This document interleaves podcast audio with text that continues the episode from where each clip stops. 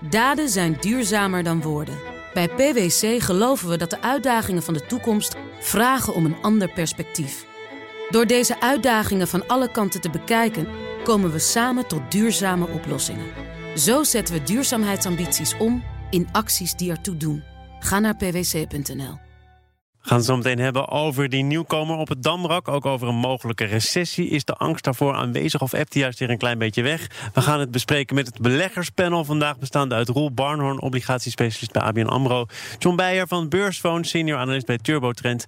En Lodewijk van der Kroft, investerend partner bij vermogensbeheerder Comgest Benelux. Mijn zakenpartner is Aukje Kuipers, algemeen directeur van technisch dienstverlener Kuipers. Zakenvrouw van het jaar 2018. Welkom allen. 2018, hè? Ik zie jou klappen, maar ze heeft net de titel weer doorgegeven aan Zakenvrouw 2019.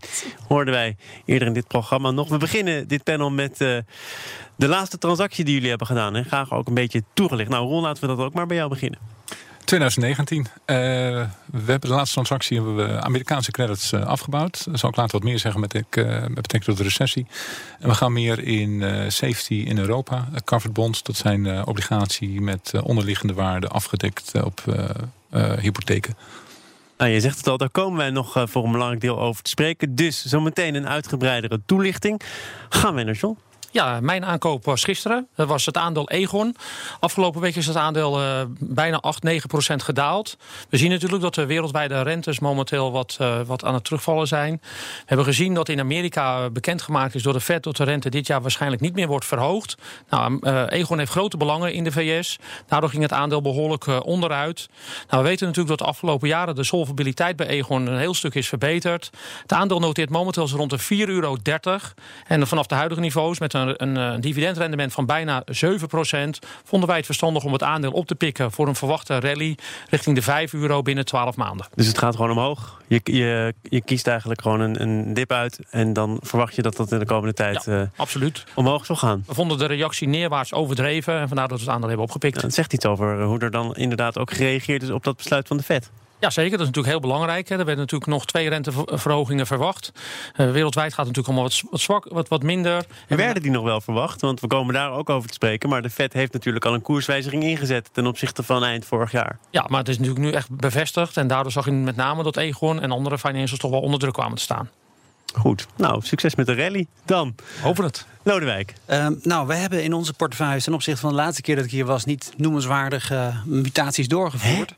Maar privé moet ik, net als heel veel uh, andere mensen die voor een eigen pensioen moeten zorgen, wel elk kwartaal uh, een allocatie doen. En het probleem, denk ik, uh, voor mij, maar ook voor heel veel andere beleggers in pensioenfondsenland, is dat er gewoon ja, niet heel veel aantrekkelijke beleggingen te doen zijn in vastrentend. Um, uh, met de huidige rente op uh, nou, wat is het, zeven basispunten voor tien jaar staatspapier, ga ik mijn pensioen niet halen door daar uh, geld in te allokeren. Nee, maar dus je hebt, heb je nou wel of niet iets gedaan? Ik koop alleen maar aandelen. Ja, ja. Ik heb nog zeker twintig jaar te gaan, dus goed. Wel tijd van leven. Ik weet het eigenlijk niet. Aukje, ben jij een belegger? Nee, eigenlijk helemaal niet zo. Virtueel, maar niet actief. en met virtueel bedoel je? Nee, dan hou je wel de beurs een beetje in de gaten, maar niet zelf. Ja, zou er een moment kunnen komen dat jij je entree maakt? Wie weet, wie weet. Ja, nou, ik zou dan in ieder geval de komende minuten even goed opletten, want hier staat nogal wat doen. kennis om je heen. We gaan uh, naar de AEX, naar een bedrijf waarvan ik eerlijk gezegd niet zo vaak gehoord had. Uh, een Zuid-Afrikaans bedrijf, Nespers. Dat komt uh, deels in ieder geval naar de AEX, als we de berichten moeten geloven. Die nieuwkomer zou dan meteen op plaats 3 komen te staan van de grootste bedrijven die aan het Damrak genoteerd zijn. Een heel groot bedrijf dus. Een onbekend bedrijf ook nog voor veel mensen. niet, niet onbekend bij Lodewijk.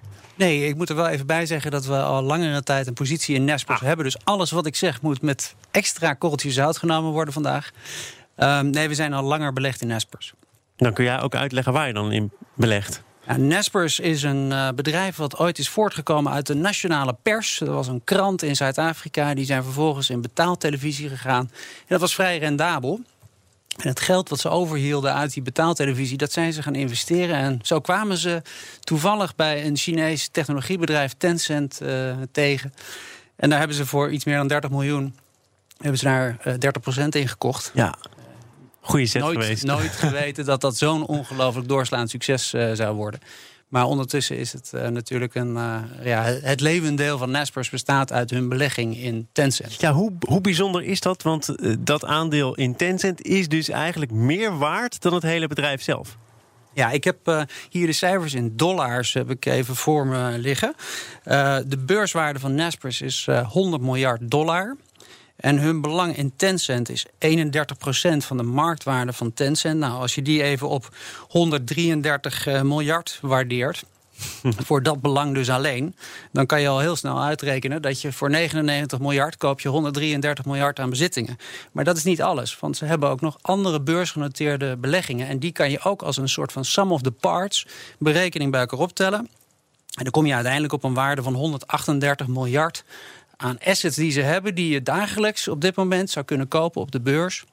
Uh, maar ja, je kan ze ook met korting krijgen via Nespers. Ja, ja, ja. ja. Goh, is het iets, uh, John, wat jij in de gaten houdt? Ja, ja, zeker. Kijk, als je deze berekening hoort, die heb ik vandaag ook eens bekeken, dan is het natuurlijk heel interessant. We hebben ook gezien dat we volgens mij uh, eind 2018 heeft men een klein deeltje, 2%, heeft men verkocht. En dat leverde toen 10 miljard op. Nou, als je weet dat men nu nog 31% hebt, dan kom je op een enorm bedrag. Wat wij wel vinden, het is natuurlijk een, een bedrijf die natuurlijk in opkomst is. Dus dat is heel positief. Men, men, heeft allerlei belangen wereldwijd, maar met name in Azië en in Rusland, wat enorm kan gaan groeien. Maar de waardering is aan de andere kant toch ook best wel hoog. Dus het is toch wel iets. Hè, wat het is te hoog geprijsd. Ja, het is daardoor niet zo interessant voor jou bijvoorbeeld. Nee, ik zou het niet uh, aanschaffen op dit moment. Nee, Tencent uh, heeft als bedrijf een hoge waardering. Daar betaal je 30 keer de winst voor. Dus daar, daar zit een behoorlijke groeiverwachting zit daarin verwerkt. Um, en dat vertaalt zich natuurlijk ook terug, in dit geval in, uh, in Naspers. Ja, er zit dus een belofte in waarvan je nog maar moet afvragen: komt die ook uit? Absoluut. Maar voor heel veel grote. Voor technologiebedrijven is dat niet zeer uitzonderlijk. Nee, maar er, er zijn toch ook steeds meer mensen die daar een kanttekening bij plaatsen. Bij die waarderingen voor die bedrijven die nog eigenlijk alles moeten laten zien. Nou ja, wat dat betreft zou ik Tencent niet in die categorie willen zetten. Want zij maken behoorlijk veel winst. Alleen is de, ja, de groeiprognose nog van een dusdanig aard... dat beleggers een hoge multiple eraan plakken. Maar het is zeker niet zo dat ze in de categorie Uber zitten. Nee, goed. Maar is dat in voor jouw verwachting de volgende bubbel dan? Mogelijkwijs, Tencent even losgelaten? Nou, eerlijk gezegd denk ik dat er een bubbel was in Tencent. We hebben een positie ooit gehad in Tencent, hebben we verkocht, hebben we jarenlang spijt van gehad. En uh, vorig jaar ging de koers van Tencent fors onderuit en toen zijn we er langzaam weer ingestapt. En hebben we dat ook onder andere via die belegging in Nespers hebben dat, uh, gedaan. Okay. Maar even uh, technisch gesproken. Hè? Dus dit bedrijf komt naar Amsterdam, naar uh, Damrak. Komt dan daarmee eigenlijk ook Tencent naar de beurs? Nou, indirect kan je dus op de Amsterdamse beurs kan je Tencent kopen. Alleen je moet je even afvragen, waarom zit die discount er nou precies in? En die is behoorlijk groot. Nou hebben we op de Amsterdamse beurs dat in het verleden ook wel eens gehad... met uh, Dordtse Petroleum en alle stapelaars uh, in Koninklijke Olie. Nou, die discount die gaat er nooit helemaal uitlopen. Dat heeft nou helemaal met die getrapte structuur te maken. Maar een van de redenen waarom Naspers ervoor kiest om naar Europa te komen, is dat ze daarmee eigenlijk uit het, ja, van het zandpad af, van de emerging markets af, in de developed market komen. En dan plotseling komen ze op de radar van veel meer beleggers. We hebben het er vandaag over. Dat is de bedoeling. absoluut. Ja. Ja, Roel, ik, eh, ik zie jou uh, knikken en zo af en toe instemmend. Maar dit is niet jouw terrein. En wil je er toch iets over zeggen? Nee, ik vind het een prachtig verhaal. Maar ik neem aan dat mijn werkgever hier uh, een rol in speelt. Dus ik hou me aan de zijkant. Dat neem je aan. Dat weet je. Goed, dat laten we in het midden, maar daarmee eigenlijk niet. um, uh, John, inderdaad, ze komen naar Amsterdam. Ze verlaten eigenlijk ook Zuid-Afrika. Want zeggen ze daar, we waren daar zo groot, we maakten zo'n groot deel van de portefeuille uit, we werden te dominant. Wanneer word je als bedrijf te dominant? Nou, ze vertegenwoordigden daar bijna 25% van de, van de markt. Dus dat is wel inderdaad dominant. En uh, wat zoals mijn collega al zei, het is natuurlijk heel erg gunstig dat ze nu in uh, Amsterdam wellicht genoteerd gaan worden. En dan de verhandelbaarheid is groter. de Europese beurs beurzen staan toch beter in aanzien dan natuurlijk. Er wordt wel een beetje over getwijfeld over die verhandelbaarheid en of er dan ook echt goed gehandeld gaat worden. Ja, maar ik denk wel dat dat goed gaat komen. Hè. Men denkt natuurlijk toch wel, hè, we praten over miljarden die natuurlijk hier al uh, geregistreerd gaan worden. Dus ja, ik denk wel dat dat, dat dat heel erg gunstig is voor de naamsbekendheid, voor de verhandelbaarheid. Maar zoals gezegd, het, uh, het is behoorlijk duur geprijsd. Als die ideeën die nu naar de markt komen, dan denken wij dat het toch. Uh, ja. te, duur, te duur is. En, en nog even naar die positie in Zuid-Afrika, want te dominant. Uh, daarvan zei de CEO, overigens een Nederlander. Nederlander interessant ja. om te weten. Een keertje leuk om uit te nodigen in dit programma, lijkt mij zo. Wij werden zo dominant dat beleggers ons niet meer in hun mandje wilden. Want als het dan slecht gaat met Nespers, dan gaat het eigenlijk ook slecht met, met een portefeuille. Met ja. dat, dat is het? Nou, wat zeker meespeelde was dat de Zuid-Afrikaanse beurs het al langer heel slecht doet. En dat er vrij veel geld uit de Zuid-Afrikaanse beurs werd getrokken. En daarmee verhoudingsgewijs dus ook veel uit uh, Naspers. Je hebt zoiets wel eens eerder gezien. Bijvoorbeeld bij Coca-Cola Hellenic Bottling stond genoteerd op de beurs van Griekenland. Had ontzettend veel last van de crisis rond uh, Griekse staatsschuld.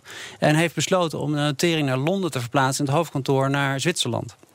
Hoe, gaat zo'n uh, selectieproces? Want uh, nou, je zegt het, hè, ze willen naar de developed markets. Ze gaan nu naar Amsterdam. Ze komen daarmee in de aandacht staan van andere beleggers.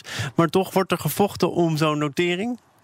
Nou, ik denk dat dit een behoorlijke opsteker is voor Euronext Amsterdam. Um, Nespers had al een vrij groot kantoor in Hoofddorp uh, zitten. En dat verklaart waarschijnlijk waarom ze deze stap uh, vrij makkelijk hebben kunnen maken.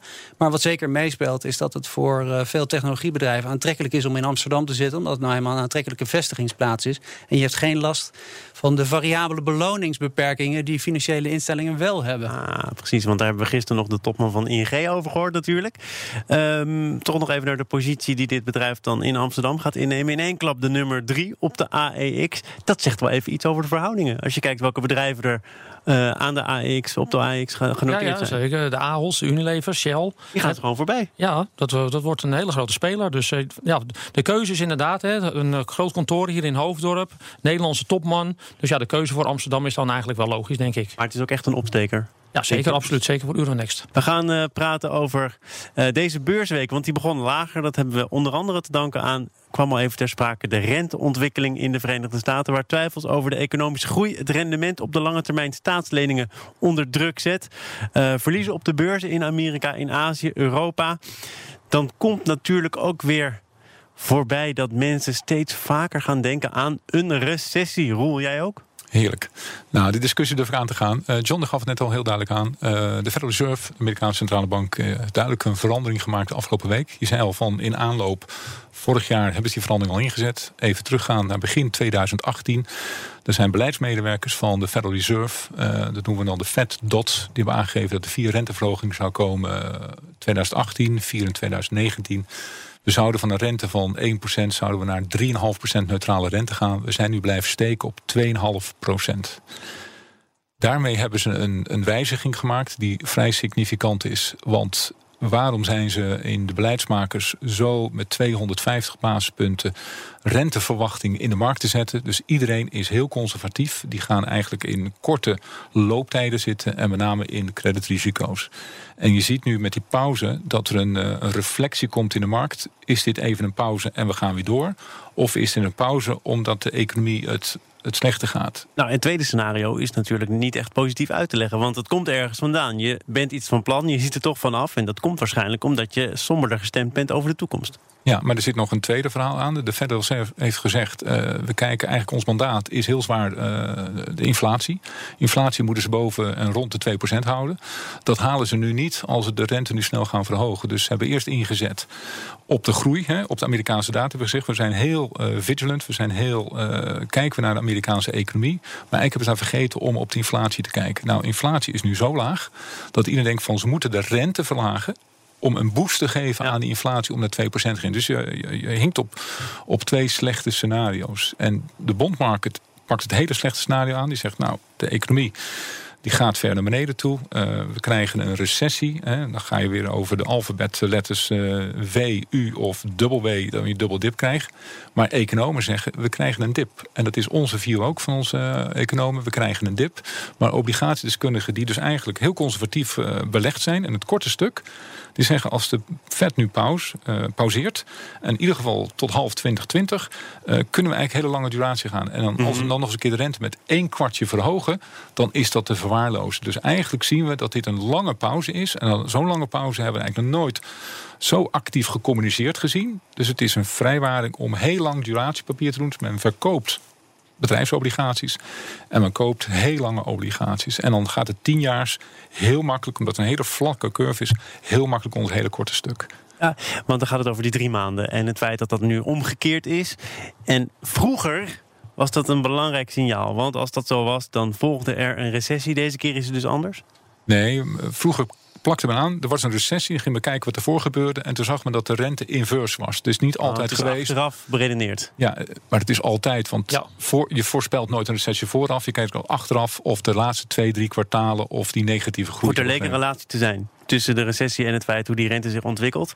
En eh, dat, dat zou je nu iets minder hard kunnen stellen. Of heb je misschien nooit hard kunnen stellen, maar de situatie is nu wezenlijk anders. Ja, ja ook dit, hè. Het is natuurlijk een soort. eh, wordt in de media wordt het genoemd. Hè, de, de, de korte rente en de lange rente, als die elkaar gaan. Als dat gaat kruisen, dan moet je alert zijn, want er komt er weer een recessie aan. Dat komt door de media. Nee, nee zeker niet. Maar wat we natuurlijk wel dan zien, weet ik dat. dat eh, de PMI-cijfers, die zijn natuurlijk de afgelopen periode behoorlijk aan het verzwakken. Dat zijn de inkoopmanagers. Ja, de- onder andere natuurlijk hè, de VS, die met China natuurlijk een behoorlijke eh, clash, cla- clash hebben. Er is nog steeds geen oplossing. Zou er natuurlijk in maart komen. Trump is er nog steeds niet uit. Dat zorgt er wel voor dat wereldwijde economieën vertragen. Dus de rentes moeten dan natuurlijk ook onder controle blijven. Zodra daar weer meer nieuws zal komen, dan zullen die inkoopmanagers ook wel weer wat beter gaan worden wereldwijd. En dat zal dan weer een boost aan de economieën kunnen gaan geven, is het idee.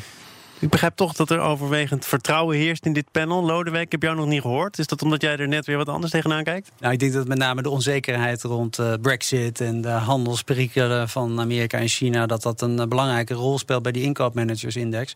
Als je kijkt naar de werkloosheidscijfers, dan eh, moet je alleen maar constateren dat het eigenlijk niet zo slecht gaat. En eh, ja, er waren dan vrijdag waren er wat mindere cijfers uit Duitsland, maar. Eh, Nou, die gisteren- cijfers gisteren Duitsland zijn waren- volgens mij al wel wat langer slecht, toch? eh, ja, al een tijdje. Maar eh, gisteren waren er wel weer goede cijfers van de IFO-indicator. dus het, het is allemaal niet zo slecht. We zijn allemaal een beetje alert op dit moment met z'n allen. Niet zo gek, want we hebben natuurlijk een heel raar vierde kwartaal gehad. En een misschien nog wel bijzonderder eerste kwartaal van dit jaar. Dus iedereen is een beetje nerveus, zit op het vinkentaal. Maar eigenlijk moeten we ons ook realiseren dat de vergelijkingsmaatstaf met vorig jaar ook beïnvloed wordt door die fiscale maatregelen. Die eh, fiscale maatregelen in Amerika die tot een enorme winstgroei leiden. Doordat de belastingdruk werd verlaagd. Lodewijk zegt het correct, eh, alertheid. Maar bij obligatiebeleggers, omdat de rente zo laag is, is de bewegelijkheid, oftewel de verandering. Vroeger was de rente 5%, dan kon je makkelijk naar 4 of naar 6. Die, die bewegelijkheid, die verandering heb je dus niet meer. Dus nu kan je dus inzetten op een verandering. Dus dan moet je heel snel schakelen. Nou, dat doet het niet één, dat doen er meerdere. En wil je wat rendement maken in obligaties, dan moet je daarop inzetten. Ja. Wij doen het niet. Wij wij vinden het nog steeds een safe haven is. Dus we schakelen heel klein en voorzichtig. En daarvoor gaf ik net al aan, als je een diepe recessie verwacht, dan moet je niet te groot in, eh, of niet overmatig in eh, bedrijfsobligaties zitten. Wij zijn het aan het terug hebben, want we zien wel, ook al is het een dip, dan moet je toch wat meer safety in je portefeuille hebben. Dus dat was ook onze, eh, onze trade die we gedaan hebben. Anticiperend op zo'n situatie. dat De markt overreageert. Je noemde net overigens die pauze hè, die de Fed nu ingelast. Zou het nou ook nog kunnen zijn dat die pauze wat minder lang duurt dan nu wordt aangekondigd? Want ze waren eind vorig jaar ook iets anders van plan dan wat ze nu doen. Wat ik net aangaf, het zijn beleidsmakers, hè, het zijn medewerkers van de Federal Reserve. Die, die, die kijken naar economische data en die geven, proberen indicatie te geven aan de Fed dots. Dit is al een aantal keren gezegd, misschien moeten we die, die dots misschien maar achterwege laten, dat we de markt zelf een functie laten doen. Ja. Dus ergens kan het ook een, een, een verkeerde indicatie zijn en te veel rust geven. Maar dat wilde de Fed, omdat ze heel actief waren in quantitative easing. Hè, dus heel veel financiële middelen beschikbaar liquiditeit gaven in de markt. En je wil weten waar het naartoe gaat. En dan moet je een soort tijdslijn inzetten. Ik wil nog eh, één, vond ik, opmerkelijk feit eh, met jullie bespreken. Namelijk, eh, als je het zo een beetje in de gaten houdt, dan zie je dat heel veel signalen een beetje negatief kunnen worden uitgelegd. Kijk naar die inkoopmanagers bijvoorbeeld. Kijk naar de onzekerheid die er speelt rondom Brexit, rondom het handelsconflict. Ondertussen bleek uit de laatste cijfers dat de wereldhandel is toegenomen. Ja, zeker. Ik dacht, hoe kan dat? Zo, zo slecht gaat het zeker ook niet. Maar het is met name natuurlijk het sentiment, hè, de onzekerheid die er momenteel speelt. Hè, zoals gezegd, die brexit, eh, dat handelsakkoord wat nog niet, eh, nog niet eh, klaar is. Dat zorgt er toch voor dat, dat met name die inkoopmanagers dat die, hè, afwachtend zijn. Dat daardoor die, die data wat daalt. Maar wereldwijd gaat het gewoon nog niet helemaal niet, zo slecht Dus niet. die, die eh, wereldhandel die wat toeneemt, overigens na wat slechtere periode, Ja. dat is niet echt verrassend. Nee, dat is, gewoon, dat is gewoon gunstig voor de beleggers. Nee, denk ja, maar is er ook een logische verklaring voor? Nee, maar het is een goede conclusie wat je zegt. Ik zeg net, eh, de, de Federal Reserve is veranderd. Die heeft eigenlijk vorig jaar, eh, begin het jaar, ingezet op eh, sterke economische data. Maar ze gaan nu terug naar een mandaat en inflatie. Dus ze hebben helemaal niet gereageerd op een inflatiemandaat. Dus ze gaan nu weer heel terug naar de core. Inflatie. Nou, inflatie moet dus aangewakkerd worden. En dan denken obligatiebeleggers, moet inflatie hebben, een hele lange stuk. Maar we worden niet gecompenseerd voor inflatie, omdat op dit moment weinig inflatie is. We gaan eh, naar een van de thema's die Lodewijk al aanhaalde, namelijk Brexit. We hebben lang toegeleefd naar één bepaalde datum, 29 maart. Die datum lijken we nu te kunnen schrappen. Er is al wel weer een nieuwe cliff in zicht. Het parlement is aan zet, gisteravond besloten. Uh, wat niet meteen wil zeggen dat nu ook de kans op een harde Brexit aanzienlijk kleiner is geworden. Het draait nu om 12 april en om 22 mei. Dus toch nog weer uitstel. Of het nou kort of lang is.